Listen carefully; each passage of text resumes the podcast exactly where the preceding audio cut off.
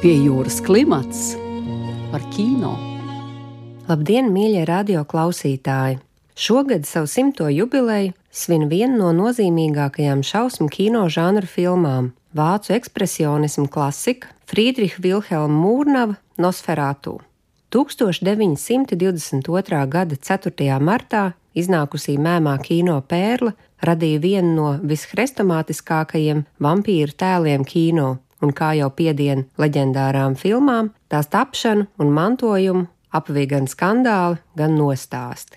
Filmas Nosferatu pamatā ir slavenais Brema Stokera romāns Drakula, gotisks trilleris, kas nonāca pie lasītājiem 1897. gadā. Par spīti tam, ka recenzijas bija labas, autora noslēgtais līgums ar izdevēju bija tik neizdevīgs, ka pašam rakstniekam No romāna ienākumiem tika vien niecīga daļa, un Stokers nomira nabadzībā.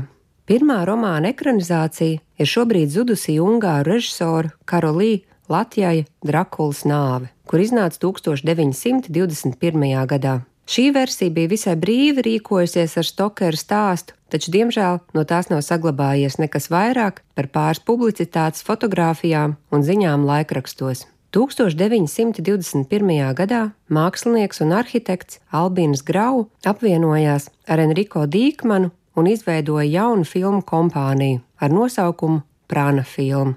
Albīns Grau, Nosferatu producents, Pirmā pasaules kara laikā bija Serbijā saticis kādu zemnieku, kurš stāstījis, ka ir vampīra dēls.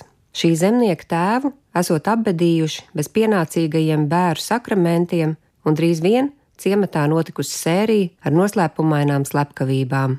Vairāk iedzīvotāji paziņojuši, ka redzējuši zemnieku tēvu staigājam apkārt un tika nolemts atrakt nelaiķu kapu. Zārks bija tukšs, bet nākamajā rītā tajā atradies veselīgi izskatu vīrietis ar gariem ilkņiem. Nelaiķa sirdī ticis iedzīts miets, un mirstīgās atliekas tika sadedzināts. Šī leģenda atstāja uz Albīnu Grau tik spēcīgu iespaidu, ka viņš jau kopš tā brīža vēlējies izveidot filmu par vampīriem, un šo vēlmi tikai pastiprināja viņa spēcīgā interese par okultismu. Grau it kā esot bijis viens no hermētiskā ordeņa Saturna brālību locekļiem, un dibinot prana filmas, primārais mērķis bijis veidot filmas par pārdabiskām parādībām. To pierāda arī fakts, ka Nosferatu vairākās ainās ir redzama hermētisma un okultisma simboli. Visi šie apstākļi radīja auglīgu vidi tam, lai Albīns Grau par savas studijas pirmo projektu izvēlētos Brema Stokera Drakulu. Vienīgā problēma bija tā, ka viņam nekādi neizdevās iegūt autortiesības, lai slaveno romānu ekranizētu. Taču tas entuziastisko okultistu neaturēja un tika nolemts, ka no tiesu darbiem varētu mēģināt izvairīties, nomainot galveno varoņu vārdus, kā arī darbības vietu un pārrakstot vairākas svarīgas sižeta līnijas. Grāfs Drakula kļuva par grāfu Orloku, un nosaukums Nosferatu šausmu simfonija dzīve no Stokera romānā iekļautās autora kļūdainās pārliecības, ka rumāņu valodā Nosferatu nozīmē vampīrs. Pie jūras klimats par kino. Kā filmas režisors tika piesaistīts Friedrichs Vilhelms Mūrnaus, kurš jau bija kļuvis pazīstams ar savu ekspresionistisko stilu taču par vizuālo noformējumu rūpējās pats Grau. Viņa galvenais iedvesmas avots bija Gustavs Mērnīgs stāsts Golems un tā ilustrācijas, kuras veidoja Hugo Steiners Praks. Galvenajā grāfa Orloka lomā redzams aktieris Maks Šreks, kur personība bija pietiekami ekstravaganta, lai vēlāk radītu nostāstus, ka Šreks patiešām ir vampīrs. Tiesa, varam būt visai pārliecināti, ka tās tomēr ir tikai baumas, un aktieris vienkārši bija ļoti talantīgs. Tas gan neaturēja Holivudu radīt asprātīgu filmu par Maksa Šreka leģendām apvīto vampīrismu un filmas Nosferatu tapšanu. 2000. gadā iznāca Elijas Merīgas filma Vampīra ēnā, kurā slaveno aktieru atveido Vilems Defo, bet mūrnava lomā redzams Džons Malkovičs. Vairākās asprātīgās epizodēs redzam mūrnavu strīdamies ar Šreku, jo viņš atkal ir nogalinājis kādu no filmēšanas komandas. Režisors izmisumā iesaucis, vai tiešām Šreks nevarēja nogalināt kādu citu, nevis tieši operatoru. Mūrnava Nosferatu galvenā tēma ir bailes no citādā, ko iemieso grāfs Orloks. Ņemot vērā tajā laikā arvien pieaugušo antisemītismu Eiropā, filmā tika saskatīti arī šādi naidpilni apakštoņi. Tam noteikti nepalīdzēja fakts, ka Jūlijs Streihers, kurš vēlāk kļuva par Adolfa Hitlera laikraksta Stürmera galveno redaktoru, bija apsēsts ar Nosferatu un skatījās to atkal un atkal. Taču vēl nozīmīgāku lomu filmas metaforiskajā līmenī spēlēja arī spāņu gripas atstātās sekas. Vampīrs atnes jaunu, nezināmu slimību, kur var piepeši izplatīties nekontrolējamā ātrumā. Bailes no sērgas mūrnava versijā iemieso arī žurkas, kuras jau sengrieķu mitoloģijā tiek uzskatīts par mēra vēstnesēm un pārnēsātājām. Kad grāfs Orloks ar kuģi ceļo no Transilvānijas uz Vāciju, viņam līdzi ir vairāki zārki ar apvārdotu augsni, kas ir nepieciešama vampīra izdzīvošanai, un šajā augsnē rokas žurkas. Turklāt arī paša Orloka vizuālais tēls ļoti atgādina šos grauzējus. Kad kuģi pasažieri viens pēc otra sāk mirt, skatītājiem ir skaidrs, ka tam ir cieša saistība ar baiso grāfa klātbūtni, kas tiek paspilgtināta ar dažādiem interesantiem vizuāliem trikiem. Taču Mūrnavs visas filmas gaitā skatītājiem nerāda to, kā tieši Orloks sakož savus upurus, tādējādi padarot ainu ar Helēnu vēl jau baisāku un negaidītāku. Filmas scenārija autors bija Henriks Galīns, kurš bija labi pazīstams ar tumšā romantismu literatūru un pārveidojis Tokeru darbu par poetisku ritmisku stāstu, kā arī pievienoja sižeta līniju par to, kā vampīrs ar žurku palīdzību atved uz ostas pilsētu izdomāto Visborgu mēri. Pati filmēšana sākās 1921. gadā, jūlijā Vismārā. Tā kā jaunajai filmu studijai nebija daudz naudas, operatoram Fricam Arno Vāgneram bija pieejama tikai viena kamera, kas nozīmēja arī to, ka Nosferatu bija tikai viens oriģinālais negatīvs. Lai arī režisors rūpīgi sekoja galīna sarakstītiem scenārijam, Mūrnavs pats pārrakstīja aptuveni 12 lapuses, tā skaitā arī filmas beigas. Mūrnavs bija sagatavojis skices katrai ainai, ko gatavojās filmēt, kā arī filmēšanas procesā izmantoja metronomu lai varētu precīzāk kontrolēt aktieru spēles ritmu. Viens no lielākajiem pārsteigumiem, runājot par Nosferatu vizuālo noformējumu, ir tas, ka filma īsti nav melnbalta. Lai arī, protams, primārā filmas izdzīvojusī kopija, kur arī izrāda visbiežāk, ir melnbalta, bet 1980. gados tika atrasta franču versija, kurā filma ir iekrāsota dažādos toņos, un šīs krāsas spēlē ļoti nozīmīgu lomu. Viens no spēcīgākajiem kadriem ir rozā tonī iekrāsotais saulēkts, kas nogalina galveno ļaundari grāfu Orloku. Šis ir arī svarīgs pavērsiens vampīru atveidojumā. Mūrnava filma ir pirmā, kurā saules gaisma asinssūcējiem ir nāvējoša. Lai arī saules gaismai ir spēcīga simboliska nozīme kristīgajā ticībā, svarīgs aspekts ir arī tas, ka viens no veidiem, kā 1918. gadā mēģināja ārstēt spāņu gripu, bija ārstēšanās ar svaigu gaisu saulē.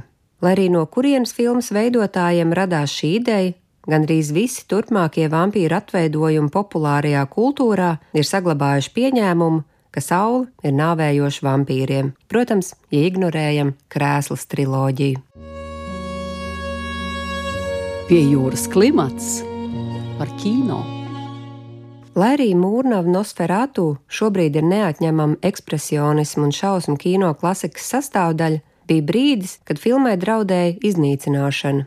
Lai arī prāna filma naivi cerēja, ka nomainītie vārdi un pamainītais sižets paglābs filmu no konflikta ar Brema Stokera autortiesību turētājiem, ar to nebija gana. Brema Stokera atraitne Florence Belkomba bija uzzinājusi, ka Grau un Mūrnavs ir izveidojuši filmu pēc viņas vīra romāna motīviem un pieprasīja no prāna filmu finansiālu kompensāciju. Taču tā kā filmas veidotāji šīs prasības ignorēja, Belkomba vērsās tiesā. Nosferatu ir pirmais gadījums, kad filmai nāks ciest tik smagas sekas. Vācu tiesa paziņoja, ka ir nepieciešams iznīcināt visas eksistējošās filmas kopijas un negatīvus. Taču tā kā Nosferatu jau bija izplatīta visā pasaulē, mums par laimi dažas kopijas izdzīvoja un tikai šīs laimīgās sagadīšanās dēļ mēs šodien varam redzēt vienu no Mūrnava nozīmīgākajiem darbiem. Ņemot vērā filmas skandalozo slavu, lielās izmaksas un tiesu darbus, Albina Grau vienīgā iespēja, kā izvairīties no tālākām juridiskām sekām, bija pasludināt prāna filmu bankrotu un pēc iespējas norobežoties no filmas. Beigu beigās Nosferatu bija vienīgā kompānijas prana filma filma, un Grau to pārdeva Deutsche Film Produktion. Pateicoties šim darījumam, pasaulē ir pieejams vairākas Nosferatu versijas, jo Deutsche Film Produktion to pārmontēja, mainīja titrus vietām, kā arī 1930. gadā izlaida pavisam jaunu filmas versiju ar nosaukumu 12. stunda šausmu nakts. Tā bija skaņas filma, kurai bija pievienotas jaunas ainas, jaunas beigas, kā arī tika iekļauts šis tas no oriģinālajā versijā neizmantotā materiāla. Filmas garums ir ap 80 minūtēm, un mūrnava vārds vairs nav atrodams tās beigu titros. Lai arī kā Florence Belkomba centās, viņai neizdevās iznīcināt oriģinālo vampīru, un saskaņā ar Davida J. Skāla grāmatu Hollywood Gothic, kas stāsta par Drakulas tēlu kino, drīz pēc tam, kad Belkomba bija uzvarējusi tiesā, viņa saņēmusi ielūgumu uz privātu un slepenu Nosferatu seansu. Filmas Nosferatu pirmizrāde nebija vienkāršs pasākums. Grau un Mūrnavas nolēma to atzīmēt ar iespaidīgu masku balli Berlīnas zooloģiskā dārza marmora zālē. Pirms filmas bija Maksa Šreka izspēlēts prologs, dejas performance un pašu mēmo filmu pavadīja orķestris, kas izpildīja Hansa Erdmana mūziku.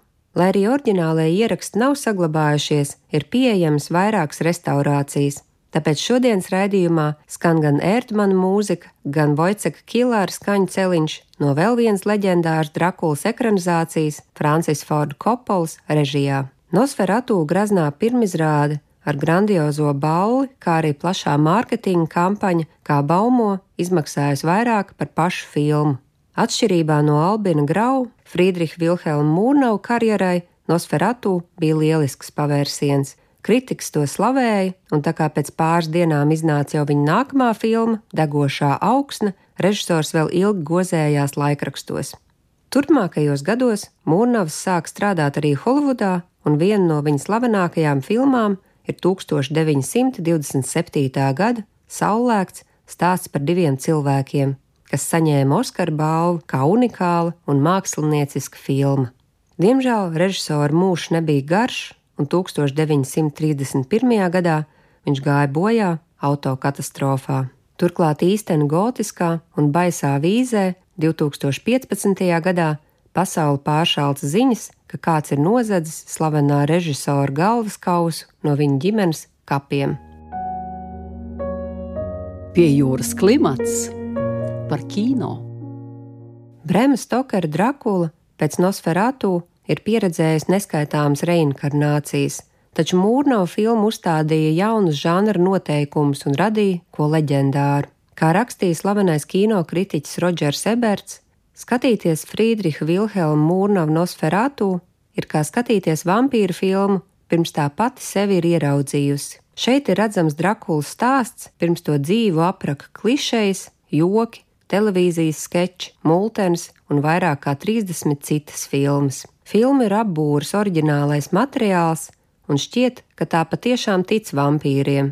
Un vispār Nosferatu ir labāks nosaukums nekā Drakula. Pasaki Drakula, un tu pasmaidi. Pasaki Nosferatu, un tu esi apēdis citronu. Lai arī, protams, populārajā kultūrā vairāk ir iegājis Brema Stokera romāna nosaukumā minētais Drakula, arī Nosferatu ir pieredzējis vairākus atzimšanas mēģinājumus. 1979. gadā iznāca Wernera Hercoga režisētā Nosferatu vampīrs, kurā galveno lomu atveidoja Klauss Kinski. Šī stilizētā versija izrādījās pat ļoti veiksmīga un izpelnījās labas atsauksmes no kritiķiem. Jau vairākus gadus klīst runas, ka iespējams taps jauna Nosferatu versija, kuru veidos režisors Roberts Egers, kura debijas filma Ragana kļuva par neatkarīgā šausmu kino sensāciju. Nesenā intervijā aktrise Anja Teilora Džoja apstiprinājusi, ka sagatavošanās darbi pie filmas ir sākušies, un arī Egers jau daudzreiz ir norādījis, ka viņu uzrunā Nosferatu tēls, jo tas vairāk ir folkloras vampīrs.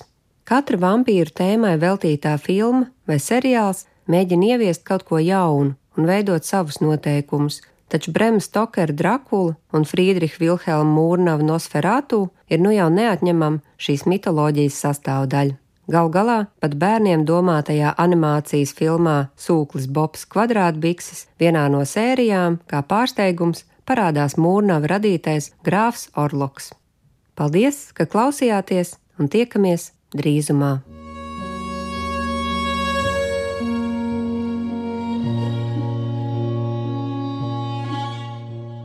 Raidījumu vadīja Marta Elīna Martinsone, montēja Andra Černievska. Raidījums tapis ar valsts kultūra kapitāla fonda finansiālu atbalstu.